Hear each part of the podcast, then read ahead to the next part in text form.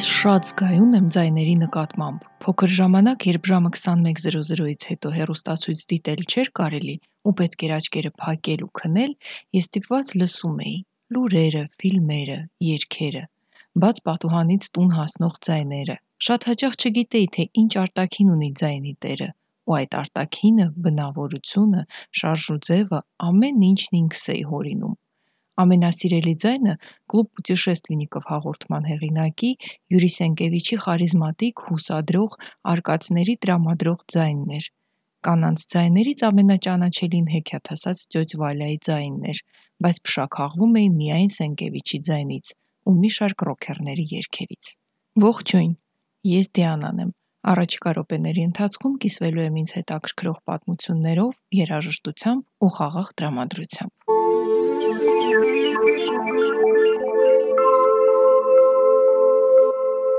Հարավային Կալիֆոռնիայի համալսարանի Ուղեղի և ստեղծարարության ինստիտուտում Ալիսա Տեր-Սարգսյան անունով մի գիտաշխատող պատմել է, թե ինչպես է մասնակցել նույն համալսարանում ասպիրանտ հանդիսացող Մեթյու Սաքսի հետազոտական փորձերին։ Մեթյուն Ալիսայի ու ինձ նման չափազանց հուզական մարդկանց է ուսումնասիրել, ովքեր փշաքաղվում են երաժշտություն լսելուց։ Ուսումնասիրության արդյունքում պարզվել է, որ երաժշտությունից փշաքաղվող անձանց ուղեղները կառուցվածքային տարբերություններ ունեն։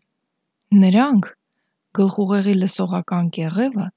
հույզերը մշակող հատվածներին միացնող ավելի շատ մանրաթելեր ունեն, ի տարբերություն այն մարդկանց, ովքեր չեն փշաքաղվում երաժշտությունից։ Որքան շատ են մանրաթելերը, այդքան ավելի լավ են հաղորդակցվում ուղեղի այդ երկու հատվածները։ Մեթյու Սաքսը ենթադրում է, որ փշաքաղվելու ունակություն ունեցող մարդիկ առհասարակ կարող են շատ տարբեր, բայց ուժգին հույզեր ունենալ, ու դա լրացուցիչ ուսումնասիրությունների թեմա է։ Այնպես որ եթե մի օր մարդ արթնացել ու հասկացել է, որ էլ ոչ մի երգից չի փշաքաղվում, դարձել է դասական սառած տոլմա, ուրեմն ինչ-ինչ պատճառներով գլխուղեղի կարևորագույն մանրաթելերը կամ վերացել են, կամ լավ չեն աշխատում, կամ էլ մարդ ինքն է կորցրել այլոց սիրելու ու նրանց ստեղծածով հիանալու ունակությունը։ Մշուշոտ թեմա է։ Blur. Song number 2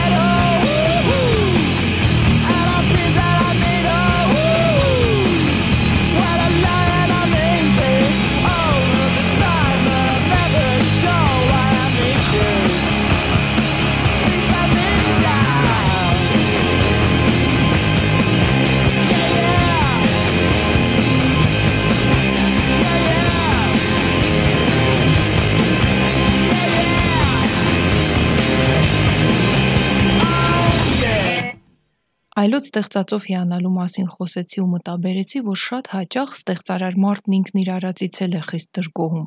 Ստինգն օրինակ, մոտ մեկ տասնամյակ ոչինչ չէր գրում ու մտավախություն ուներ, որ վերջ, էլ չի գրելու։ Մուսան համառորեն չէր գալիս մինչև մի օր, երբ նա մտովի վերադարձել է իր ծննդավայրը, պատմականորեն նավաշինական համարվող Ուոլսենդ քաղաքը, դեպի նավամատույց տանող իր հարազատ փողոցը, հայրական տունը, դեպի մարդկային միջավայր, որից դեռ փոքրուց վճռել էր հեռանալ, չլինել նրանցից մեկը։ Այս ալբոմը լսելիս ես անձամբ փշաքաղվում եմ։ Խայթոց բեմական կեղծանունը գրող գրեթե 70-ամյա երաժշտից մի ամբողջ կյանք է պահանջվել անխնամ ու արփած նավաստիների գոյի ներբողն արարելու համար։ Մարդիկ, որոնցից մեկը նա ոչ մի դեպքում չէր ցանկանում լինել, այնքան մեծ սիրով ու խորությամբ են պատկերված վերջին նավը ալբոմում,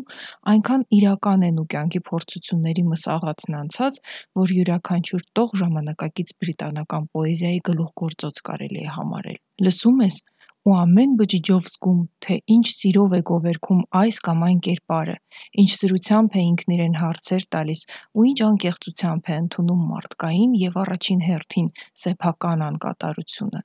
Մի ամբողջ կյանք է պահանջվել մարդկանց այսպես սիրելու ու այդ սիրով կիսվելու համար։ Վստահ եմ, մի պահ կարողացել է վերականգնել փշաքաղվելու ունակությունը։ Ի վերջո հուզիչ է, երբ պատմականորեն նավաշինական համարվող Wallsend քաղաքից իր հարազատ փողոցի վերջում գտնվող նավամատույցից հեռանում է վերջին նավը։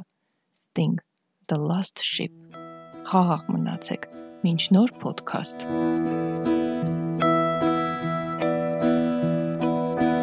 It's all there in the Gospels. The Magdalene girl comes to pay respects. But her mind is a whirl when she finds the tomb empty. The stone had been rolled, not a sign of a corpse. In the dark and the cold, when she reaches the door, sees an unholy sight.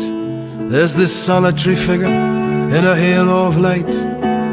He just carries on floating past Calvary Hill in an almighty hurry. Aye, but she might catch him still.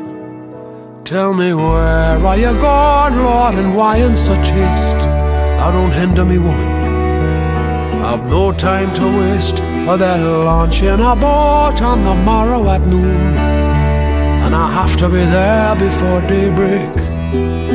Oh, I cannot be missing. The lads will expect me. Why else would the good Lord Himself resurrect me? For nothing will stop me. I have to prevail. Through the teeth of this tempest, in the mouth of a gale, may the angels protect me if all else should fail when the last ship sails. Or the roar of the chains and the cracking of timbers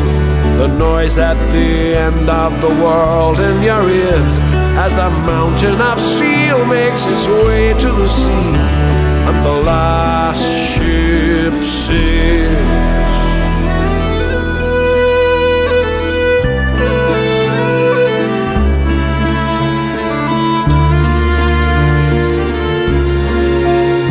It's a strange kind of beauty. It's cold and austere, and whatever it was that you've done to be here, it's the sum of your hopes, your despairs, and your fears. When the last ship sails, first to arrive saw these signs in the east, like that strange moving finger at Balthazar's feast where they asked the advice of some wandering priest and the sad ghosts of men whom they thought long deceased. And whatever got said, they'd be counted at least when the last ship sails. Oh, the roar of the chains and the cracking of timbers. The noise at the end of the world in your ears as a mountain of steel makes its way to the sea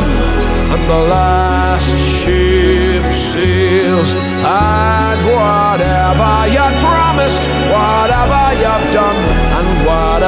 the station in life you become in the name of the father in the name of the son and whatever the weave of this life that you've spun on the earth or in heaven or under the sun when the last